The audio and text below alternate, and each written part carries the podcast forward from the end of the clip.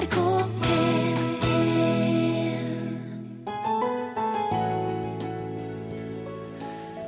I dag tenkte vi å snakke om den nye kulturpolitikken. De nye statsrådene og alt det rare de har sagt. Sett dem til veggs, rett og slett. Men så Nei, sa vi. La oss snakke om tro, om frihet, om relasjoner, om Sandra og pappaen hennes.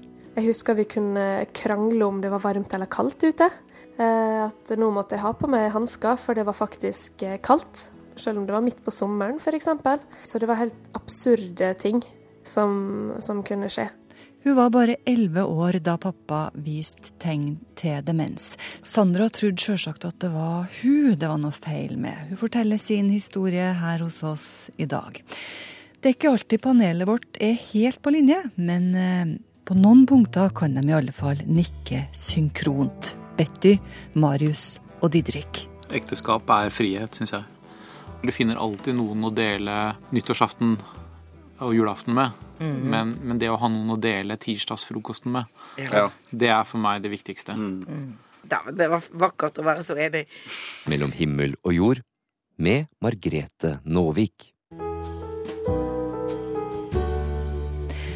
Det hele starta med Hilde Langvanns blogg om ektemannens brudd med sitt lukka trossamfunn.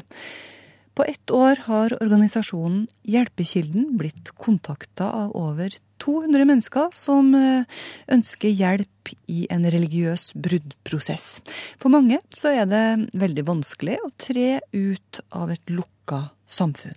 I 20 år har han eh, hatt mareritt hver eneste natt om demoner og verdens undergang. Hver eneste natt. Og det har han ennå. Det hadde han i natt, og det har han i morgen også. Det går ikke bort. Hilde Langvann forteller om mannen hun har vært gift med i 20 år. For tre år siden ble han psykisk syk som følge av at han forlot et lukka trossamfunn han har vokst opp i. Jeg så det jo ikke den gangen jeg gifta meg med han, at, at han sleit på noe vis. For at eh, som menn flest, så, så eh, dekker man over det man har av redsel og angst, og kjører på. Men til slutt så eh, gikk ikke det lenger. Så når han ble sjuk, så eh, måtte jeg begynne å sette meg inn i, i hva han opplevde. Når det sto på som mest og ting var veldig tungt, så begynte jeg å skrive rundt, rundt det jeg opplevde, og det at han var sjuk, bare for å bare for å få snakka med noen, for å si det sånn. Og eh, da begynte jeg å, å nøste litt opp i hva er bakgrunnen for at denne mannen som har drevet bedrifter, ressurssterk, flink, kan alt, gjør alt, og så sterk, min faste klippe i livet, hvorfor brøt han sammen og, og ble sjuk? Hvorfor klarer han ikke mer? Hvorfor vil han ikke leve lenger? Hilde forteller at hun begynte å sette seg inn i mannens historie. Hva var det han hadde lært fra foreldre og menigheter? Etter mye informasjonshenting og mange samtaler med mannen om det han hadde lært, var det tydelig at han hadde vokst opp med religiøs angst. Og Hilde sier at han er ikke alene om det. det å eh, vokse opp med angsten for at, eh, at du ikke er ikke bra nok for Gud. At eh, du skal snart dø som følge av at du har gjort noe feil. For barn så er det spesielt traumatisk det man lærer at det er en endetid. Det er greit nok at ja, bare de rettroende skal overleve, men det å forkynne at men du kan aldri være sikker på at du overlever sjøl om du er medlem, det er litt tøft for barn å, å, å, å forholde seg til. Som, som min mann lærte på eh, sine møter, at eh, det er nok å tenke gale tanker, så eh, ser Satan deg og, og vil benytte seg av det, og kanskje kommer og besetter deg om natta. Og Gud ser også at du ønsker å gjøre noe galt. Og så tenker da barna at oi, jeg, husker jo det at jeg eh, tenkte jo at ja, jeg hadde litt lyst på å feire bursdag også, eller noe annet som det trossamfunnet da for, forbyr. Og så tenker man ja, da er, da er det over for meg, altså. Da kommer jeg kanskje til å dø. Og at små barn har dødsangst, det er helt forferdelig, og det, det gjør noe med en. Tekstene som Hilde skrev om mannens historie, publiserte hun på en blogg på internett. Etter ei stund fikk hun tilbakemeldinger fra lesere som fortalte at de kjente seg igjen i det hun fortalte om å forlate et lukka trossamfunn. Selv om jeg trodde at hans liv var ekstremt, så viste det seg at dette er noe som går igjen hos veldig mange, og i forskjellige trossamfunn. Det syns jeg var veldig overraskende og, interessant. Det var da utgangspunktet til at vi eh, etter hvert satte i gang med å etablere Hjelpekilden. Som da driver først og fremst eh, hjelp og støtte til folk som har brutt ut eller er i en bruddprosess med et lukka trossamfunn. Og i tillegg til også da å drive støtte og eh, drive informasjon overfor myndigheter og hjelpeapparat om religiøse bruddprosesser. Det som starta med en blogg, resulterte i en organisasjon som skal hjelpe andre. I fjor ble Hjelpekilden Norge stabla på beina, og på bare ett år har Hjelpekilden vært til stede for over 200 mennesker som går gjennom en religiøs bruddprosess. Men hva er egentlig et lukka trossamfunn? Ja, et lukka trossamfunn har jo mange ulike kjennetegn. Eh, noe er hvordan det forholder seg til omverdenen. Eh, der gjerne er det trygt og godt innenfor trossamfunnet, men alt som er utenfor trossamfunnet, det er forbundet med fare. Eh, at for å være godkjent av Gud, så må du forholde deg til dette trossamfunnet som har sannheten. Og videre så har det noe med hvordan det ser på kritikk. Da er det gjerne deg det er noe feil med, eller det betyr at du er åndelig svak. Man tar ikke til seg kritikk og ser innad at det er noe vi gjør feil. Så er det også eh, begrensninger på hvilken kunnskap du kan ta til deg. Det er også sanksjoner knytta til det å forlate trossamfunnet. Men det vi er opptatt av i Hjelpekilden, det er ikke det at ditt trossamfunn og hvorvidt det er lukka eller ikke, men er det sunt for deg? Eh, tro skal være noe som kan eh, føre til eh, økt livskvalitet for mange, men tro kan også skade. Har du det sjøl bra? Har du et positivt gudsbilde? Din menighet og din tro fører det til goder for deg? Får du et økt livskvalitet av det, eller har du angst for, eh, for, som følge av et negativt gudsbilde? Ja, for det kan mm. jo være mange som trives i et lukka trossamfunn? Absolutt. Vi er ikke ute etter å, å ta lukka trossamfunn. Vi, vi, skjønner at mange kan ha veldig gode liv i trossamfunn som vi utafor kan tenke kan, det kan kanskje ikke være sunt. Men, eh, men, eh, ikke minst så er det jo veldig sosialt. Folk forteller, har mange gode historier å fortelle fra sin tid i trossamfunnet. Så det, det er rent subjektivt. Hvordan opplevde du det? Hjelpekilden ønsker å være til for dem som ikke bare har hatt gode opplevelser med å tilhøre forskjellige trossamfunn. Men om man ikke ønsker å være en del av en menighet lenger, er det ikke bare å slutte å gå på søndagsmøte? Det tok mange år før jeg skjønte at trua eh, hos eh, hos de som er i et lukka trossamfunn, det er ikke bare noe som du har, som jeg var vant til. Det var noe du virkelig er. Trua er en, en del av ditt liv eh, hver dag på, på, på, alle måter. Måten du eh, ser på verden rundt deg. Eh, det, det, er litt spesielt for, eh, for, oss som er bare vokst opp med søndagsskolen og lærte at Gud var kjærlig og tilgivende til å, å, å, se at det er mennesker som tror på en, en gud som er dømmende, hevnende og eh, ikke minst overvåkende. Og at, eh, og at det er et spesielt endetidsfokus, som jeg ikke lærte om da jeg gikk på søndagsskolen eller tok kristendomsundervisning på skolen.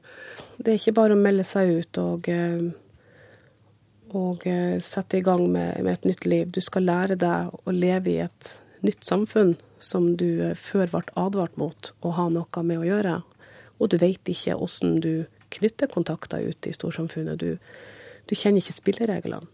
Så det er, det er, nok en vanskelig prosess. Men eh, for de fleste så, så, går det bra til slutt. Det gjør det. Man bare trenger litt tid. Tid er et nøkkelord for de fleste. Og Hjelpekilden kan du kontakte på hjelpekilden.no. De kan tilby samtaletelefon, fadderordninger og gruppemøter. De menneskene du møter her, ønsker å informere og hjelpe og gi råd til dem som har opplevelser eller spørsmål knytta til lukka trossamfunn. Vi hørte Hjelpekildens organisasjonssekretær Hilde Langmann i samtale med Benedikte Bjørkmo. Hva er det å være fri? Våre tenkende panelister drodler fritt. Nesten. Panelet. Ja, jeg heter Didrik Søderlind. Jeg er litt for glad i bøker, filmer og plater, og har en sans for eh, engelsk fottøy. Jeg er også helt skallet, men kompenserer med skjegg og snurrebart. Ja, jeg heter Betty. Artist. Jeg tror på det guddommelige i mennesket. Jeg heter Marius Huseby, og jeg liker å late som om jeg er musiker. Jeg er omtrent 1,80 høy, har uh, hår på toppen av huet, helskjegg og masse tatoveringer. Ordet i dag er frihet. Frihet, ja. Kan vi begynne med Marius, kanskje? Når følte du deg fri sist, Marius? I går når jeg satt ute og grilla pølser i skauen. Er det skogen eller pølsene som er stikkordet her?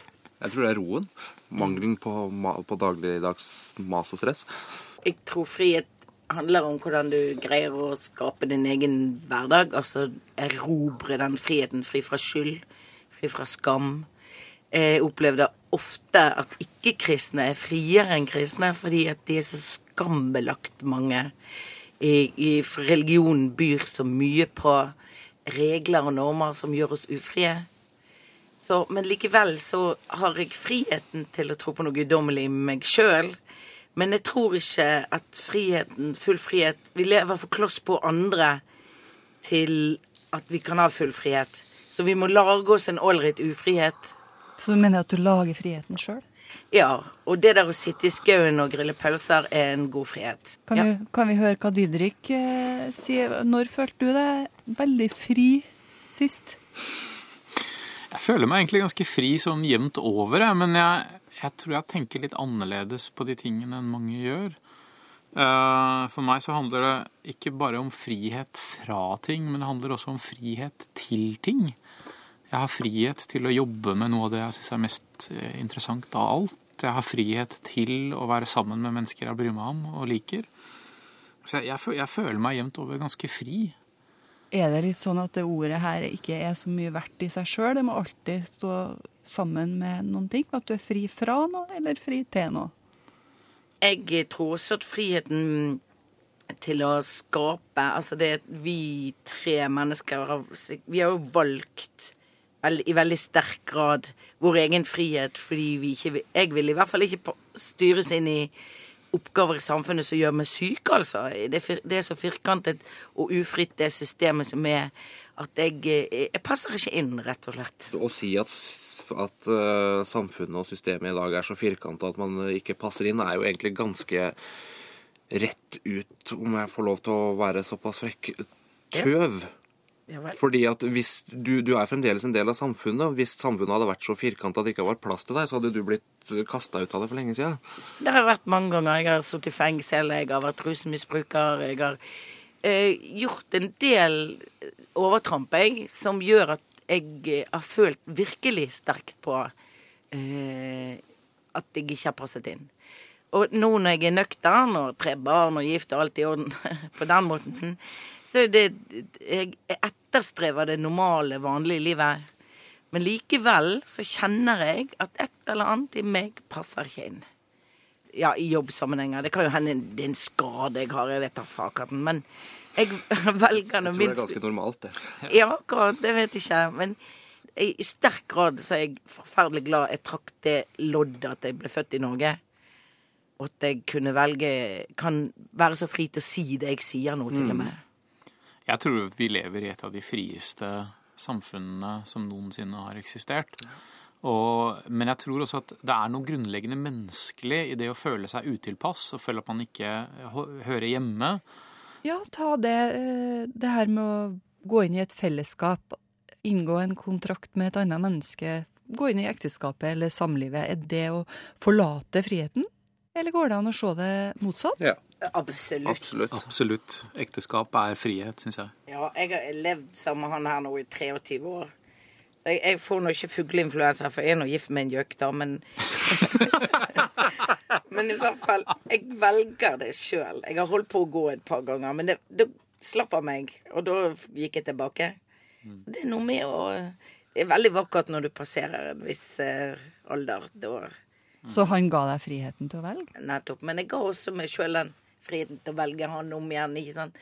Jeg syns jeg velger hver dag. Jeg sier til han ja, jeg gir deg en uke til. Men det er litt med humor.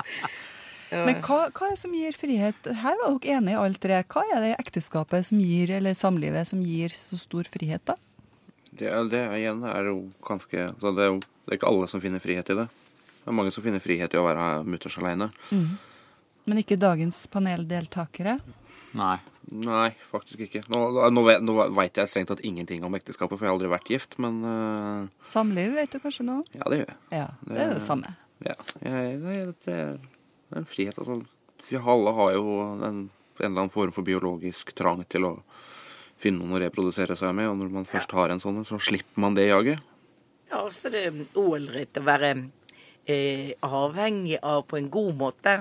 Altså av friheten til å velge en avhengighet. Eh, jeg liker å være sammen med han. Jeg liker Ja. et menneske som kjenner meg så godt. Dere har en historie sammen da? Ja, det òg. Men det, det er mer interessant det som skal komme, enn den historien. Eh, Det er også noe med, det er også noe med altså, hvordan li, altså, det, har, det handler om livskvalitet for meg. Og jeg tenker som så at når du er singel, du finner alltid noen å dele nyttårsaften og julaften med. De store dagene. men, men det å ha noen å dele tirsdagsfrokosten med, Ja, det er for meg det viktigste. helt enig. enig med du. Det var vakkert å være så enig. Samling i sentrum. ja. Og de tre som samla seg i sentrum, er Marius Huseby, Betty Johnsen og Didrik Søderlind. NRK P1. Sist søndag holdt eh, Ole Edvard Antonsen konsert i Kautokeino kirke. Mellom alle de vakre trompettonene tenkte han å hylle den samiske kulturen med joik. Det her ble det bråk av. Jeg var til stede under konserten og ble både sjokkert og såra, sier leder i menighetsrådet i Kautokeino, Inga Gunhild Buljo Kemi. Sjokkert og såra, sier Inga Gunhild. Hvordan er det mulig? Joik er jo så vakkert og vart, sånn som mine ører hører det. Hvorfor blir man plutselig såra når denne lyden siver ut i kirkerommet? Han forstår det ikke, han som brakte joiken inn heller. Det er veldig trist at eventuelt skal ha, at noen skal føle seg såra eller krenka over eh, det musikalske uttrykket som vi hadde i kirka. Og det, for meg så var det her ment som en hyllest til eh, den samiske kulturen og til eh, vidda og på en måte Finnmark på veldig mange måter. Men sånn ble det altså ikke tatt imot av alle som satt i kirka. Hva er det Ole Edvard og jeg ikke har forstått? Jeg har ringt til biskopen i Nord-Hålogaland. Jeg har snakka med mine kolleger, med min venn Per Inge, som er same sjøl. Jeg har snakka med NRK Sami, sameradioen, for å prøve å forstå hva er det som er så krise med joik i kirka. Men jeg er like blank. La oss nå høre med hun som ble sjokkert og såra. Ja, hei. Inga Gunhild, altså lederen i menighetsrådet i Kautokeino. Ja, vi ser jo ikke joik som eh, noe syndig og ukristelig fra. Det er klart først. Men det er en, en stor del av vår menighet føler seg ikke komfortabel med joik i kirka. Og vi i menighetsrådet ser heller ikke den helt tydelige eller klare forbindelsen med joik og kristendom. Men er ikke her, Altså, hvis joik er en del av livet, er ikke hele livet en del av det å være kristen? Vi, vi tenker jo sånn at joik er en del av den samiske kulturen. Mm. Og kultur og religion trenger ikke nødvendigvis å blandes. La oss si at uh, kristendommen er jo ikke, er jo ikke samisk, den er ikke norsk, og den er heller ikke engelsk. Og kulturen har da ikke en naturlig plass i, i det kristne budskap. Vi har et forhold til kirka som kanskje er mye annerledes enn eh, enn i, det norske, i det norske samfunnet. Og vi ønsker ikke å bruke kirka som, et, eh, som en lekeplass. At vi skal, vi skal føle oss at vi er på en plass hvor vi er i eh, nærheten av Gud. Og Inga Gunhild får støtte av Karen Elle Gaup, som har forska på samisk språk, og hun har drevet med folkelivsforskning. Karen Elle bringer inn et for meg helt nytt perspektiv. Det med kirken og joik, altså det handler ikke bare eh, om respekt for kirken, men det handler i aller høyeste grad også om respekt for joiken. Vi har flere eldre troende som sier at altså, de kan joike selv også. De kan joike hjemme, de kan joike ute. det, men ikke i kirka. For der, er- det, den på en måte, da stigmatiserer du på en måte den joiken, og, og, for den har aldri tilhørt den arenaen. For den har hatt sin åndelige arena. Og den er utenfor den kirkelige rommet. Det kirkerommet som er den her, den norske eh, oppsi, etablerte kirkerommet. Man man må, må ha respekt for begge, både joiken og det kirkerommet. Det fins en forklaring på det meste, og bakgrunnen for joikeforbudet i kirka er ikke så snål som man kunne tro. Det her er Tore Johnsen i Samisk kirkeråd. Eh, Det er viktig å forstå at, at historien, en, en lang historie har skapt en dyp ambivalens til joiketradisjonen i, i store deler av det samiske samfunnet, hvor det var assosiert med førkristen religion og etter hvert med, med alkohol, fordi det var da man vågde å, å joike. Og det har skapt en tradisjon hvor joiken har funnet andre arenaer eh, enn kirken. Eh, Men så finnes det andre eh, samiske eh, menigheter hvor man tenker annerledes, f.eks. i sørsamisk område, hvor man eh, har brukt joiken i kirkelig sammenheng. Hallo, det er Bjerna Leine Leinebjente. Bjerna er prest for sørsamene. Han har vært det i flere tiår. Hele tida har han jobba for å dra samisk kultur inn kirkedøra. Husker første gangen jeg hadde en gudstjeneste og brukte samisk språk.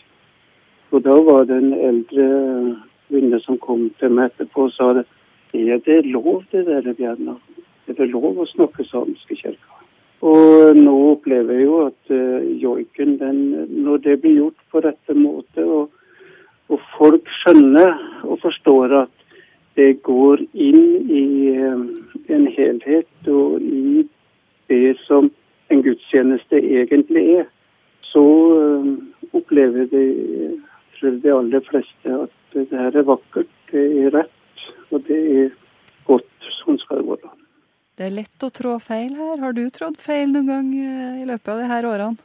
Ja, det er jo sånn den som skal gå framom, man må jo være litt framom. Eh, Men ikke for så langt at en kommer ut av syne for de øvrige. Er du i mål, eller er det mer, mer å gjøre her? Det er mye mer å gjøre, det er klart det. Det som nå er ser som et stort arbeid, er å få med kollegaer og eh, kirkens betjening eh, mer generelt, og ta i bruk det samiske. Og der har vi jo heldigvis eh, bispedømmeråd og biskop og preses eh, i Den norske kirke og med oss på lag, og som skjønner det her. Og som gjerne ønsker å eh, reparere det som ble gjort i sin tid fra kirkas folk. Mm. Nemlig å så ettertrykkelig stemple det som eh, djevelsk. Da får du ha lykke til med sakte framovergang. Takk for det. Takk for det. Ha det godt, da. I like måte. Ja, hei. Du har nok fått det med deg. I dag er det TV-aksjon til inntekt for demenssaken. Demens det er et eh, samlebegrep om en rekke lidelser i hjernen, hvorav glemsel kan være ett av flere symptomer. Og det rammer ikke bare de gamle. Ca. 70 000 mennesker er såkalt dement i Norge i dag. Nå skal du få bli med til Sandra Rogne, som er en av bussebærerne i Trondheim. Sandra hun hadde en far som fikk såkalt frontotemporal demens i ung alder. Eh, Jeg husker aller første gangen jeg oppdaga det, så ble jeg så skremt av at han, eh, at han ropte og skreik til meg helt plutselig, for ingenting. Um, og jeg husker hvor overraska jeg ble over det. Jeg husker vi kunne krangle om det var varmt eller kaldt ute. Eh, At nå måtte jeg ha på meg hansker, for det var faktisk eh, kaldt. Selv om det var midt på sommeren, f.eks. Måtte du gå med vanter da? Ja, ut av huset i hvert fall. Jeg tok dem jo fort av når jeg kom eh, rundt hjørnet, det gjorde jeg. Men, men han var helt overbevist, absolutt, om at nei, det var iskaldt, så jeg måtte ha på votter. Selv om det var juli, rett og slett. Så det var helt absurde ting som, som kunne skje. Men du, lille jenta, hva kunne du gjøre da for å forsvare deg? Ikke så mye. Jeg kunne egentlig bare Mer eller mindre måtte jeg bare godta at det var sånn situasjonen var. Um, jeg, kunne, jeg trengte ikke å like det, jeg trengte ikke å forstå det, men jeg måtte bare godta at OK, sånn er han. Så må jeg tilpasse meg deretter, det er selvfølgelig veldig vanskelig. Men gikk det an å fortelle det til moren din? Ble du trodd? Ja, det gikk an, men selvfølgelig i starten så var det veldig lett å tro at det her var pga. skilsmissen, at det kanskje var en depresjon, at det, det, her var noe som ville gå over. Eh, og det var den beskjeden jeg fikk. Og, og det gikk jo aldri over, selvfølgelig. Um, så måtte, etter hvert så tenkte jeg bare at OK, men han er faktisk bare sånn. For det tar ikke så lang tid for ja, en unge, da, et barn faktisk, og bare å tilpasse seg situasjoner. Det er helt merkelig hva en kan stå ut med. Uh, for når jeg ser tilbake på det, så er det um, helt forferdelig å tenke på at jeg var i de situasjonene mange dager i uka, da. Var du redd hele tiden? Jeg var mest nervøs, for en visste aldri hva som kunne utløse en ny situasjon. For det var ikke alltid at han var så sint, eh, men det kunne oppstå ut av ingenting. Um, det var en, en feil kommentar, eller at det, jeg svarte feil på et spørsmål, den type ting, så var det plutselig Det var helt katastrofe for han, det. Jeg har jo en konkret situasjon som, som viser et litt bilde av den hverdagen vi hadde. Uh, og det er fra da var jeg vel 15, eller 16 kanskje. Um, og faren min var musiker, og jeg driver jo også litt med musikk. Um, og selvfølgelig da, i den alderen så var jo Idol veldig populært, og jeg ville melde meg på Idol. Uh, og hadde sendt inn demo til TV 2, og jeg hadde fått brev i posten om at jeg var invitert til å komme forbi køa og sånne ting. Så det var veldig stort for meg den gangen. Og um, jeg tenkte her har jeg faktisk gjort noe bra som han kan bli stolt av, så det gledde jeg meg veldig til å fortelle. Um, og jeg satte meg ned hjemme i hans leilighet og satt meg litt sånn forsiktig ned i sofaen, og han satt i godstolen og, og så TV. Og han, han fulgte ikke helt med på at jeg var til stede, egentlig. Det gjorde han sjelden. Men jeg satte meg ned og liksom 'Pappa, jeg vil fortelle deg noe spennende.' Og, og fortalte det her, da, med litt sånn avventende entusiasme, egentlig. Um, for jeg visste jo aldri hva jeg kunne få tilbake. Men um, uh, så fortalte jeg det her, og satt meg litt tilbake og venta litt. Og så først da ser han på meg. Um, etter noen minutter løfter blikket og ser på meg, og så sier han bare Ja, men uh, du må ikke ha så store forhåpninger nå da, Sandra, for du veit, du er jo ikke akkurat noe TV-fjes, du. Så det var et sånt eksempel på den hverdagen vår. For der er ikke det at han er så sint, eller at han er så aggressiv, men bare den, de små stikka som han kom med hele tida, som var veldig, veldig negativ. Så han tok fra deg selvtilliten der og da, på en måte? Ja, veldig. Um, og det var jo sånn daglig ting for oss. Så den selvtilliten, den ble tatt mer og mer bort. Så den var vel ikke-eksisterende etter bare noen få år, egentlig.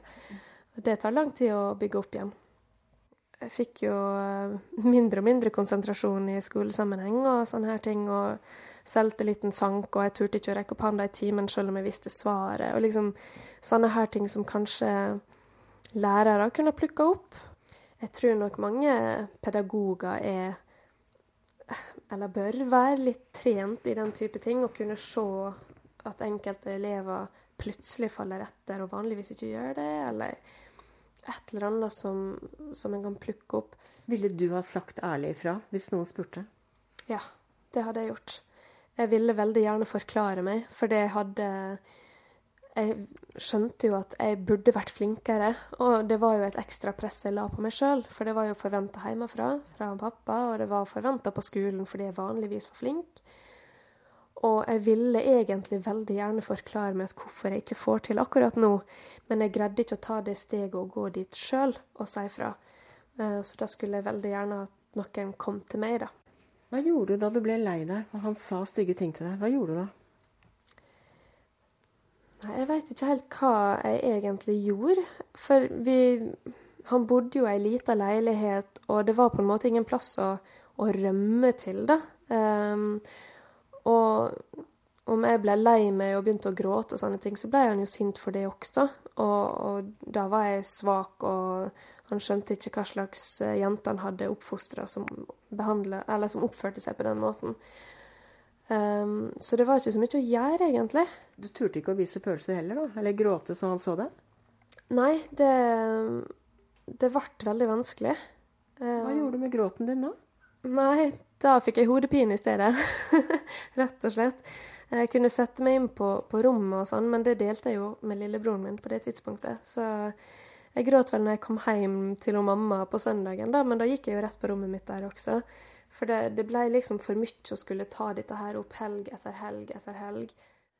Men det du beskriver, det er jo en pappa som forandrer på en måte personlighet. Mm. Mens vi tenker ofte på demens som en som bare glemmer.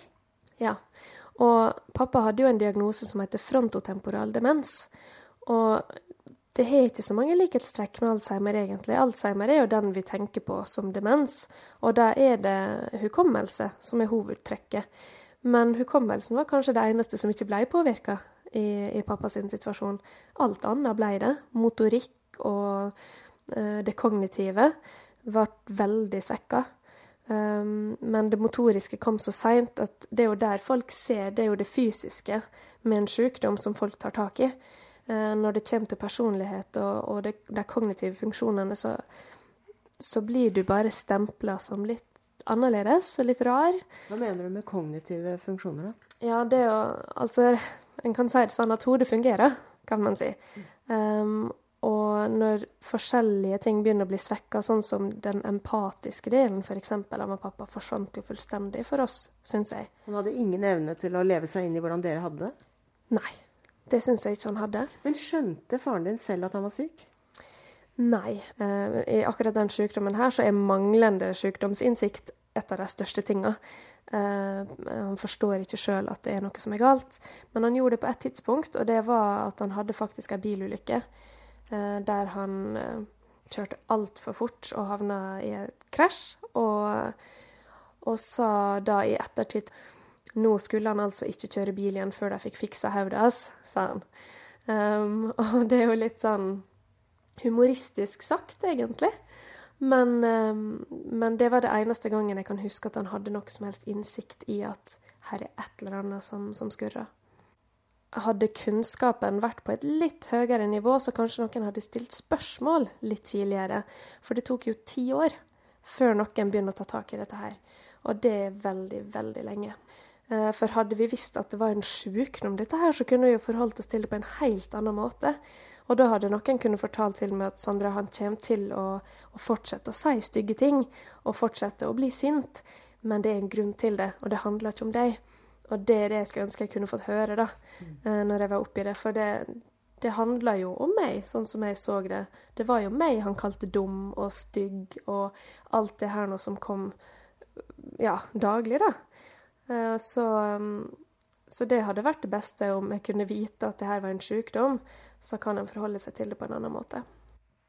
Hva ønsker du deg skal skje fremover når det gjelder uh, informasjon og kunnskap omkring demens?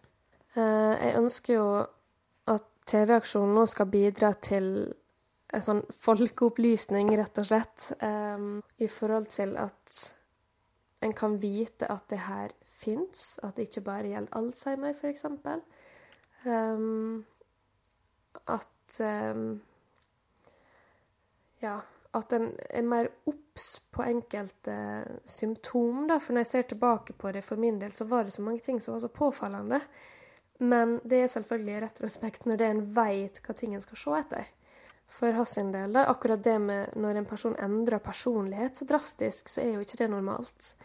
Um, og pengeproblem, mista jobben. Um, han ble veldig opptatt av spilling, for eksempel, altså sånn lotto og tipping og alt sånt her, og utvikla en slags spillegalskap der, da. Uh, jeg tror det var for han å holde fokus én plass, så ble det veldig sånn tvangsmessig og konkret, og masse sånne her småting som jeg tenker at alt det her, til og med bare aleine, er jo nok til å skulle stille spørsmålstegn. Det sier Sandra Rogne, som mista sin far bare to år etter at han altfor seint fikk demensdiagnosen.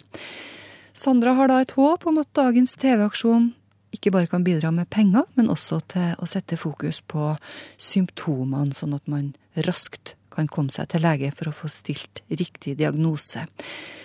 På den måten så kan jo livet gjøres enklere både for pasient og pårørende, og er det barn med i bildet, så bør de skjermes så godt det lar seg gjøre, sier Sandra.